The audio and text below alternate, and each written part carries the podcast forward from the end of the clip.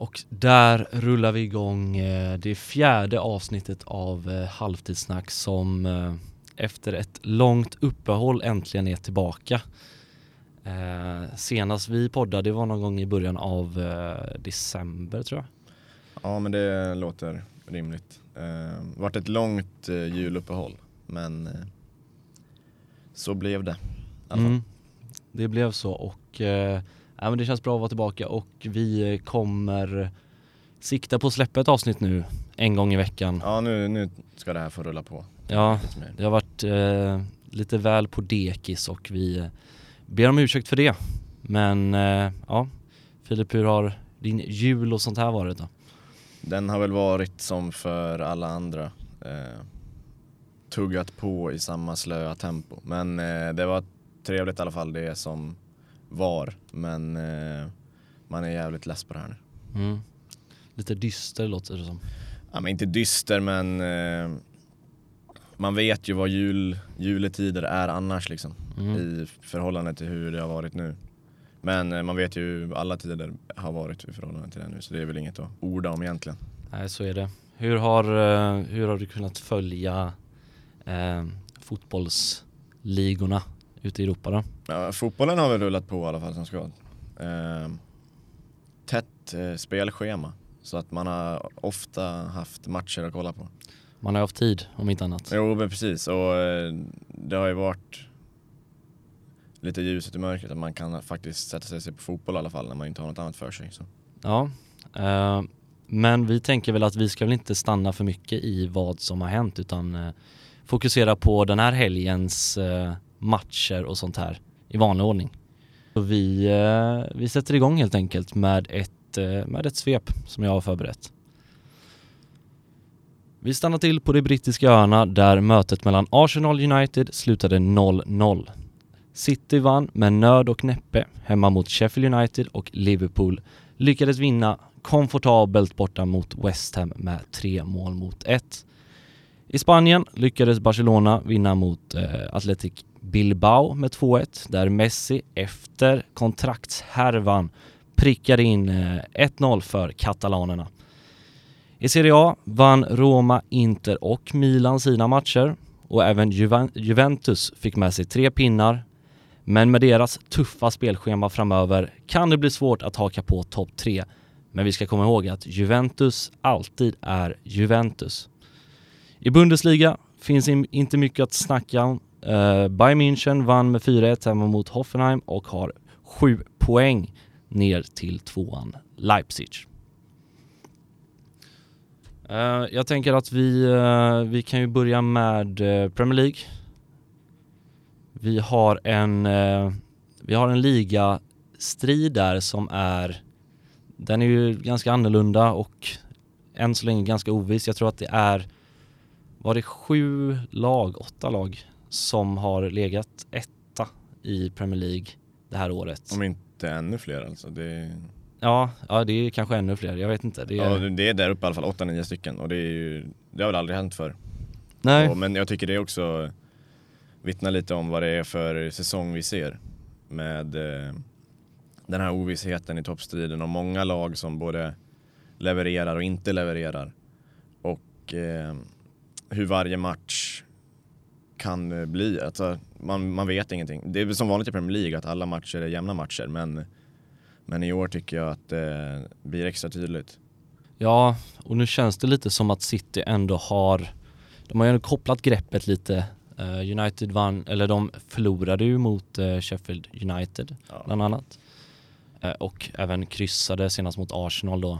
Så att det känns ju som att de ändå är lite på uppgång och fortsätter de vinna sina matcher så kan de ju få ett försprång ner till eh, de andra platserna. För att det är, det känns som att det är många klubbar som, eh, som har det ganska svårt ändå. Ja, det tycker jag. Jag tänkte på det efter eh, United-Arsenal-matchen och det har slagit mig förut också när det är sådana här toppmöten att jag tycker matcherna har en låg energi. Och de här spelarna, storspelarna som, allt, som ska växla upp och göra det liksom, tycker att de eh, påverkas, eller det känns som att de påverkas av den här tysta atmosfären kring arenan med tomma läktare och alltså eh, känslan av att det inte är på riktigt om du förstår vad jag menar.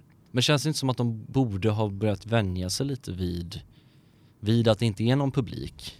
Att de ändå borde kunna hitta den här motivationen. Man, man kräver ju nästan det av, av de här spelarna med, med de lönerna som de har och den liksom professionella livsstilen och allt sånt där. Jo absolut, det tycker jag. Men, men jag tycker ändå det, det är en, man kan inte komma ifrån heller att det är något återkommande. Att eh, de här matcherna som brukar liksom spraka och vara fartfyllda tillställningar inte är det på samma sätt. Och jag tror att mycket har med publiken att göra för att de, när det liksom är så här, står 0-0 i 70 minuten och båda lagen det är en jämn match mellan två bra lag så tror jag inte publiken på samma sätt accepterar att man dra ner på tempot på samma sätt som jag tycker att det har blivit i många toppmöten. Och där, där tycker jag alltså att det har ett finger med i spelet i hur tabell, tabellen ser ut. För att det är klart att eh, lagen med de bästa spelarna ligger i toppen, så även nu. Även om det finns lag som West Ham och Aston Villa som smyger med. Men eh, jag tror att en vanlig säsong så hade Liverpool City, kanske United, ryckt ifrån lite. Men tack vare den här ovissheten som finns i Premier League så, så håller det sig jämnare än vad det hade gjort annars. Man kan ju, kan ju bara titta på liksom hur ja, men titelvinnare tidigare i det här skedet av säsongen, hur mycket poäng de har haft då kontra nu. Det är betydligt mindre nu. Jo, men jag, jag, jag håller med vad du säger. Samtidigt som jag tror att det, det har väl också jämnats ut lite kanske med tanke på att City har haft lite skador, Liverpool har lite skador och att de inte har varit kapabla till att ha en lika bra säsong som de tidigare haft också. Och att det då har påverkat på något sätt. Det i, ja, som du säger då med att det kanske ändå inte är samma motivation som det brukar vara och den här säsongen blir väl lite på blev, blir väl lite på dekis också kanske att det inte är lika viktigt för lag eller de kanske inte tycker att det känns som att det är på samma sätt då som när, när det är publik. Ja, alltså jag tror att det, att det betyder lika mycket att, det, att värdet av att vinna ligan är detsamma oavsett om det sitter folk på läktaren eller inte. Men jag tycker att, att, det, alltså att någon, det känns som att det är något undermedvetet att man, att man inte växlar upp på samma sätt när det är 60-70 tusen på plats. Liksom. Så är känslan i alla fall. Jag, jag tycker att det, det påverkar absolut. Jo, ja, jo, men det är lite svårt att säga exakt vad det är som, eh, som pågår. Men någonting vi, som jag tycker att vi borde diskutera det är eh, ett lag som Tottenham för mm. tillfället. Mm. För att de har, ja nu åkte ju, eller Kane har ju åkt på sin årliga fotledsskada eller vad det nu är. Ja. Som man alltid får typ den här tiden på året. Tydligen båda anklarna nu. Ja. han, skad, han gjorde illa den första lite lätt först, spelade på och drog den andra sen. Ja, och nu förlorade man också mot uh, Brighton uh, i en match där de var väldigt ambitionslösa. Ja, helt. Uh, och, och, och, efter en, en match där man i mitt tycke blev helt överkörd av Liverpool. Ja, och nu har man ju satt sig i den här sitsen igen då, att det är liksom, nu är det sånt som ska leda det här laget målmässigt framåt.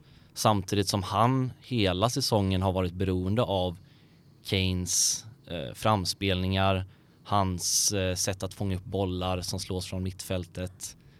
Eh, och det känns som att de är eh, det känns som att de inte kommer kunna ja, men göra så mycket mål framåt i fortsättningen. När det, och sen vet man inte heller, det var ju samma sak bara, vad blir det? Förr, förra året när de var i Champions League-final så hade man ju samma problem där. Kane var inte med och då kliver ju ändå Son och Lucas Mora fram bland annat. Men eh, ja, jag tror att Mourinho behöver hitta på någonting. För att hans spelidé är kanske inte samma som Pochettinos var. Nej, och jag tycker att eh, om man tittar på alltså det som har varit framåt eh, under hösten, då liksom sprudlar anfallet. Men då var det ju alltid Kane till Son eller Son till Kane. Och nu tar man bort den troligen viktigaste komponenten i, i det där anfallet. Eller det är den viktigaste komponenten i det där anfallet. Och då, då tror jag att det kommer bli, det, och det ser så ut också, att det kommer bli betydligt mycket slöare och Son kommer inte kunna göra allt det här själv. Och jag tycker det, men det som man alltid har kunnat falla tillbaka på med Mourinho känner jag att man har en trygg defensiv. Det har väl mm. alltid varit det som kännetecknar Mourinho. Men jag tycker det, det finns inte det nu heller. Och jag tycker att, han, jag tycker att när han går ut i media det är ganska dåliga bortförklaringar det här att ja men man kan inte ersätta Kane och och sådana saker. Nej, det är klart att du inte kan, men samtidigt så tycker jag att Tottenham har ett så pass bra spelarmaterial att det ska, in, det ska inte behöva se ut så här. Nej, och det förstår ju vem som helst att Kane är ju det bortfallet som, är, som påverkar Tottenham mest. Men det är väl som Mourinho alltid gör när, ja. när det ser så här ut att han går ut och klagar på, på sina skador.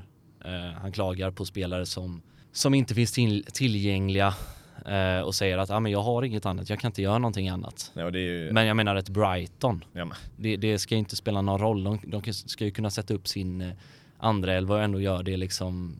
Jag, jag, tycker ärligt talat att eh, Tottenham har bättre spelarmaterial nu än under Pochettino. Så att jag tycker det finns inga inget, alltså klart man inte kan ersätta Kane men det finns inget att klaga på i övrigt liksom. Man ska kunna få ut mer av det spelarmaterialet man har. Mm. Tottenham har en bra trupp. Ja, och det var ju samma sak i Liverpool-matchen där att det kändes ganska tafatt och det kändes som att Liverpool var de vann ju den matchen ganska komfortabelt och utan större ansträngningar. Det, bo, det borde ha blivit mer, mer, alltså större siffror. Ja, och det var ju samma sak i slutet av matchen när Tottenham då försöker hitta något slags anfallsspel. Då är det ju liksom Liverpool som står där på deras planhalva och håller i bollen och liksom bara stänger matchen helt enkelt. Ja, nej men det såg ju riktigt ambitionslöst ut. Alltså att man, man ligger under, i det läget man ligger under med 2-1 så alltså man har inte mer än fyra spelare på Liverpools planhalva ändå i andra halvlek. När man jagar, jagar mål. Nej. Vad vill man egentligen med sin fotboll då? Ja, det blir en uh, utmaning för Mourinho och hans uh, Tottenham. Innan vi stänger uh, Premier League-dörren, har vi någonting att säga om matchen mellan Arsenal och United? Ja, jag tycker att Uniteds svängningar i form är, alltså man förundras över den. Från att ha flygit så pass som de gjorde för några veckor sedan mm. till att de här två senaste matcherna mot Sheffield United och Arsenal. Visserligen tycker jag att de, anfallsspelet var lite bättre mot Arsenal. De förtjänar faktiskt att göra mål den matchen. Men exempelvis mot Sheffield United, spelare som tidigare levererat Rashford, eh, Martial som dock definitivt inte levererat men som ändå stundtals har sett riktigt bra ut. Mm. De, de, de, är helt ointresserade av, av att göra någonting framåt i den matchen. Ja. De, de står still, tappar boll, och liksom, jag förstår inte det här. Visst, alltså Bruno Fernandes, hur viktig han är för det laget, men bara för att han dippar lite i form tycker jag inte att det ska kärva i hela lagbygget. Liksom. Att då ska alla falla ihop. Men det är väl också det lite man har varit rädd för också. Att Bruno Fernandes har ju en sån viktig roll och nu känns det som att lag kanske har lärt sig lite hur han spelar och hur faktiskt viktig han är för United. För vi har ändå sett några matcher nu där där Liverpool, kanske inte i, eh, i kuppen men i alla fall i ligan, stängde av honom nästan hela matchen. Sheffield lyckades stänga av honom genom ett ganska hårt jobbande mittfält och eh, i Arsenal-matchen så var han ganska dold också. Och det där, där tycker jag väl den största bristen ligger hos United och kanske framförallt Ole Gunnar att man förlitar sig så mycket på individuella prestationer att men om de individuella prestationerna uteblir så då, då funkar inte laget liksom. Alltså med Liverpool och City vet du ändå vad du får. Mm. Oavsett vem som spelar, de kan rotera i elvan så här. Du vet ändå, det finns en klar spelidé, de vet ändå vad de ska göra ute på banan. Men det känns inte som att United har den strukturen och den kollen på grejerna. Att dippar Bruno Fernandes, dippar Pogba, dippar Rashford, då blir det inte så mycket. Nej, eh, och jag kan väl ändå säga att jag tycker att den Arsenal-matchen där var eh, det var väl en besvikelse för att det var ändå ganska chansfaktor, det var ganska tråkig match ändå. Ja. Arsenal hade inte mycket men United hade inte, alltså så här, det var något läge där Cavani hade kunnat sätta dit en boll och sånt där men jag tycker någonstans att man ändå ska förvänta sig mer ändå. Jag tycker att man ska förvänta sig en vinst i den matchen. Ja, det tycker jag också. Alltså de, visst, de skapar lägen, men det är så här, det är lägen som bara dyker upp. Liksom. Det är mm. ju inget eh, spelmässiga framgångar som gör, skapar de chanserna. Nej, Eh, med de orden så släpper vi eh, United och släpper England för att gå över och prata lite kring, eh, kring Messi som har varit lite blåsväder nu. Vad jag har fått reda på så är han ju fly förbannad, han tillsammans med Barcelona, över att El Mundo har lyckats få tag i en kopia av hans, hans kontrakt. Monstruösa kontrakt. Ja, det bäst ekonomiska kontraktet i... Uh, Idrottsvärlden någonsin va? Exakt. Och uh, det känns ju som att det skapar lite så här debatt kring Barcelonas situation och att de faktiskt nästan är i en sämre sits än vad, än vad man kanske kunnat tro. Att det här, de har ju byggt, eller de har ju liksom grävt någon slags bottenlös grav som nästan känns ännu djupare nu liksom. Ja, det är ju det är ett sjunkande skepp. Alltså det, hur vanskött den klubben har blivit. Mm. Eh, det är helt sanslöst. Alltså med de jätteskulder man har, ett sånt enormt kontrakt på Messi och så här, vissa gånger, jag, jag har ändå kollat lite på Barcelona på slutet, ett så stjärnspäckat lag men ibland matchtrupperna ser ut som eh, inte vet jag, ett lag i Championship typ. Så här, man känner inte igen en enda spelare. Martin Braithwaite ska liksom vara nummer nio och dra, dra lasset framåt ibland. Och om, om Messi är borta, liksom, det är ju som vanligt, det funkar inte då. Och eh, så här, bara en sån sak som försäljningen av Suarez till Atletico Madrid. Ja. Det tycker jag vittnar om hur, hur dåligt den klubben sköts. Så det har ju Messi uttalat sig också. Man säljer deras bästa anfallare till en rival mm. som nu går svinbra i ligan och Suarez gör hur mycket mål som helst. Ja, och de var väl nästan på ett sätt kanske tvungna till att göra den affären ja. också. Men det, alltså visst att man, att man är tvungna till att göra den affären, att man behöver pengar, men alltså dels en klubb som Barcelona ska inte behöva sälja sin bästa anfallare för att man behöver pengar. Nej. Och då tycker jag inte att man ska göra det till en av sina största rivaler heller. Nej, för nu, jag tycker ändå det känns som att eh, en övergång för Messi aldrig har varit närmare och jag tror faktiskt för en gångs skull att han kommer lämna i sommar. Hans kontrakt går ut. Det har spekulerats om PSG eller Manchester City. Eh, sen har ju de också ett problem i sin tur eftersom att Messi har det här kontraktet och de har inte heller, trots att det är de klubbarna så har de inte riktigt möjlighet att erbjuda han ett sånt kontrakt heller. För att han börjar bli till åren och de konkar ju om de håller han på det här kontraktet. Att... Ja, exakt. Och det kanske också är nödvändigt för Barcelona att kanske släppa Messi i det här läget också. För, de, för det första kommer de inte kunna erbjuda honom ett ja, liknande kontrakt och då tror jag att det kommer krävas ganska mycket för att han ska vara kvar. Men han är ju redan less liksom så att om de då ska säga att nu måste du gå ner i lön. Mm. Ja, det vore väl kanske kärleken till klubben då. Alltså bara det han har varit där hela sitt liv. Ja. Men han är ju också, han är ju trött på klubben. Så att... ja, ja men exakt. Och han har ju gått ut i media mycket det senaste året och kritiserat just det här och känner väl att det som han, det Barcelona som han en gång spelade i inte mm. finns kvar. Nej. Och det är väl med, med all rätt. Men frågan är vart han hamnar. Det, jag tycker att det är ändå intressant och det hade varit otroligt kul att se honom i, ja, i Premier League kanske. Det hade varit stuckit lite i ögonen att se honom gå till Manchester City som United-supporter men det hade varit kul att se honom i Premier League. Absolut, det är väl det mest logiska, den logiska destinationen också med Pep och hur de spelar och allt sånt där. Jag vet inte, man trodde ju nu när, att när Messi valde att stanna efter sommaren att de skulle faktiskt lösa det där och att han ändå gjorde det här för Barcelona. Men sen har de ju bara ett ännu större haveri liksom. Ja, för det blir ju också problem när, ja som jag tror att de måste eh, ja, skicka Messi vidare och hur de då ska kunna komma tillbaka från det.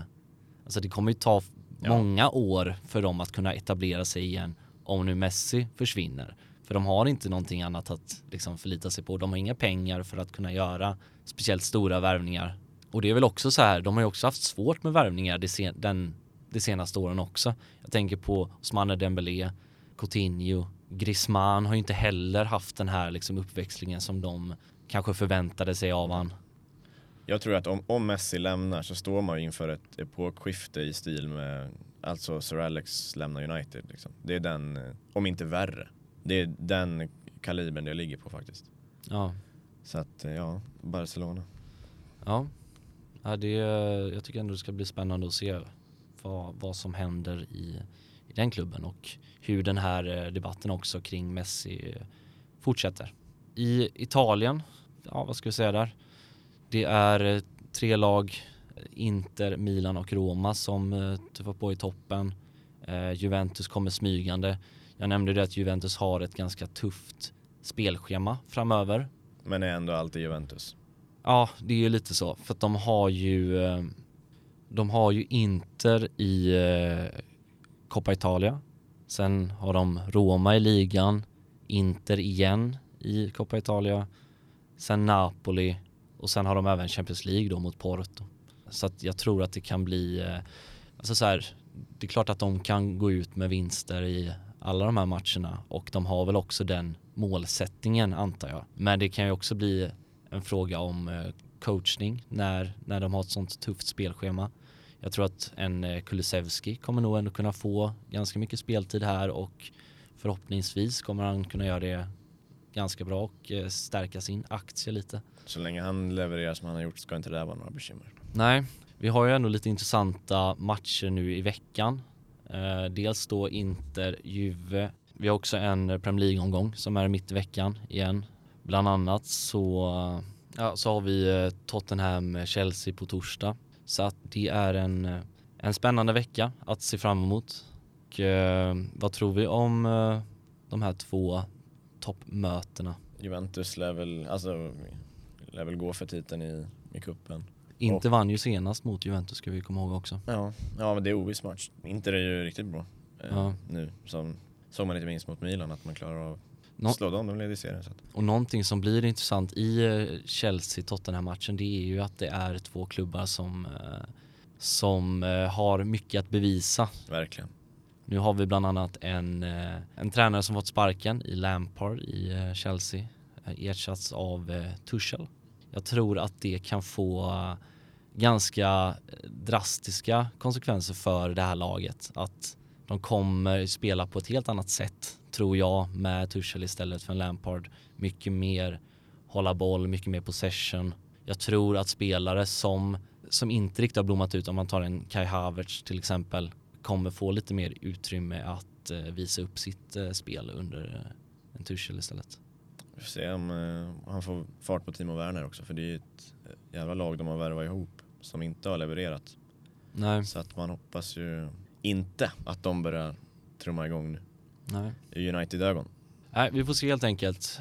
Med de orden så eh, stänger vi den här, eh, det här avsnittet eh, och den här comebacken från halvtidssnack som, som nu är tillbaka och kommer sända ett nytt avsnitt varje vecka hela våren förhoppningsvis. Det är det vi siktar på och vi hoppas verkligen att ni vill vara med på det tåget. Tack för att ni har lyssnat. Ha Tack så mycket!